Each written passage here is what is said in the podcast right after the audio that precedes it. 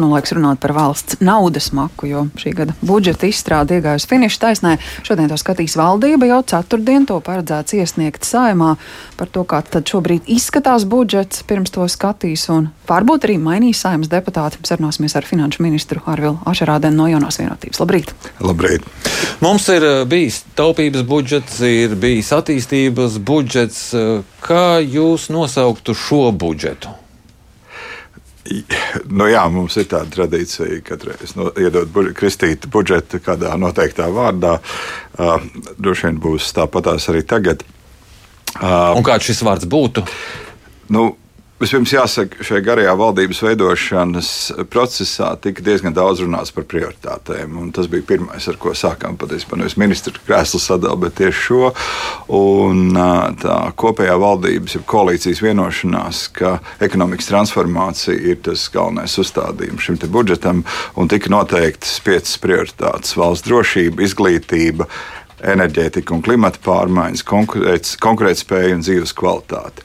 Ja man jāprasa tad, uh, par šo budžetu, tad, protams, ka šī ekonomiskā transformācija ir, ir šis galvenais narratīvs šajā budžetā, bet es gribu teikt, ka drošība ir pati primārākā patiesībā šajā lietā, un mēs esam veltījuši milzīgu uzmanību.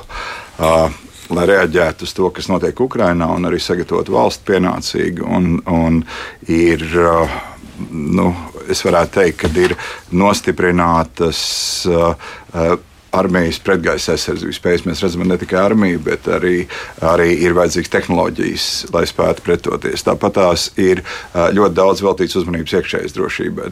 Plātāt paredzēts finansējums, lai pabeigtu tās saucamās fortifikācijas, jeb žogu izbūvi, izveidotu krīžu centrus reģionos, iegādāties attiecīgās tehnikas glābējiem, kas mums ilgstoši nav bijis darīts. Un arī sabiedriskie mēdīji ir paredzēti šajā budžetā, un sabiedriskiem mēdījiem paredzēts iegādāties darboties tātad šīs apraides stacijas mobilās. Ja? Tātad no vienas puses es gribētu teikt, ka tas ir ekonomiskās transformācijas budžets ar savām teikt, prioritātēm, bet drošībai tam ir atvēlēta milzīga nozīme. Nu, gribētu saprast, kā ir ar tām pārējām prioritātēm. Drošība un aizsardzība ir pie savas naudas tikusi, kā ir ar to pašu veselības aprūpi, kur nu, slimnīca slēdz, ka, ka tik un tā tās naudas solīts, bet iznākumā paliek mazāk. Viennozīmīgi veselība arī ir bijusi ļoti augstā prioritāšu sarakstā. Veselībai kopumā ir paredzēti gandrīz 80 miljoni jaunas naudas, gan šeit ir paredzēts īpašs finansējums tātad cīņai ar vēzi, tāpat tās ir bērnu aprūpei atsevišķiem pakalpojumiem paredzēts, tāpat tās ir domāts par augu celšanu nozarē, un šoreiz galvenais akcents ir likts nevis uz uz, uz ārsta algu paaugstināšanu, bet tiem veselības aprūpas personālam, kurš līdz šim ir saņēmis mazāk, tie ir sanitāri un māsiņas. Es gribētu teikt, ka nu, mēs tam esam, manuprāt, veltījuši pienācīgu uzmanību, un, re, un resoram ir jāskatās efektivitāte. Bet kur šajā budžetā parādās šī ekonomiskā transformācija? Nodokļi jau netiek skatīti. Nodokļus mēs esam vienojušies, ka mēs skatīsim vienreiz četros gados, tas ir politiskā cikla laikā. Jā, un kur tad šeit ir tā uh, transformācija ekonomiskā algu tā, celšana? Uh, Tātad, ja mēs runājam par ekonomisko transformāciju, nu, pirmkārt, es gribu minēt, ka uh, pietiekami liela uh, uzmanība ir veltīta arī izglītībai. Tātad kopumā skolotāja algu pieaugums ir iespaidīgs. Tātad vairāk kā 60 miljonu eiro ir paredzēts skolotāja algām. Uh, zinātnē un pētniecībai uh, kopumā ir paredzēti uh, vismaz uh, 29 miljoni eiro. Uh, tāpat tās arī universitāšu akadēmiskai kvalitātei ir par akadēmiskai izglītības attīstībai. Tāpat tās ir par, paredzēts papildus finansējums. Tāpat enerģētikā ir paredzēti pietiekami nopietni uh, ieguldījumi. Protams, enerģētika prasa savu, uh, kas ir uh, iedzīvotāju atbalsts šajos krīzes laikos, bet tāpat tās enerģētika šobrīd ļoti, enerģētikas nozara ļoti nopietni strādā pie, pie, teikt, pie drošības aspektiem, kas ir desinhronizācija no Krievijas un, un teiksim, arī šī te neatkarība gāzes piegādēs no Krievijas. Šobrīd tiek vērtēti šie LNG termināla aspekti. Tā kā es gribu teikt, ka ekonomikai tiek pie, veltīta pietiekami daudz uzmanības. Tāpat es gribu atgādināt, Tas nodrošinās budžetā- to transformāciju. Ja tā Ā, būs es- vienkārši prioritāšu transformācija. uzmanīgi. Eh, Tad, ja mēs skatāmies kopumā, ekonomikai šobrīd eh, ekonomiskā izaugsme ir, ir eh, Latvijas valstī pieejama ļoti liela fondu aploksne investīcijām. un Tātad šobrīd plānotais apgūves apjoms ir 1,3 miljārdi eiro visdažādākajos projektos. Un tātad šie ir šīs ekonomiskās transformācijas projekti. Ja jūs jau minējāt, ka ilgākās diskusijas valdības veidošanas procesā tiešām bija par budžetu, par budžeta prioritātēm. Līdz ar to tas budžeta skatīšanas posms saimā ir pilnīgi skaidrs, ka tur mūs negaida deputātu kvotas, kādas citas straujas pavērsienu iespējas. Šķiet, ka nē, šo, šobrīd tādas melnas mākoņas pie debesīm mēs neredzam. Tātad ceturtdien tiks budžets nodots saimai skatīšanā, un tad arī saima nodos komisijām. Tad nākamā nedēļa piekdiena būs budžeta pirmais lasījums, un pēc tam plānojam, ka ā, 9, 8. un 9. martā vajadzētu pabeigt otrajā lasījumā. Nu, sagaidīsim, protams, parlamenta debatas, ā, bet ā, tādas līdzinājās indikācijas nav tādas, ka varētu būt kādi negaidīti pagriezieni budžeta izskatīšanā saimā. Bet mm. nekad nevar zināt, un gaidīsim, kas notiks parlamentā. Nu jā, loģiski jau, ka tiešām tas jautājums, kas tad notiek ar nodokļiem, šobrīd visiem ir uz mēles, jo šķiet, ka nu, budžets beidzot ir gatavs, varam pievērsties tiem nākamajiem jautājumiem.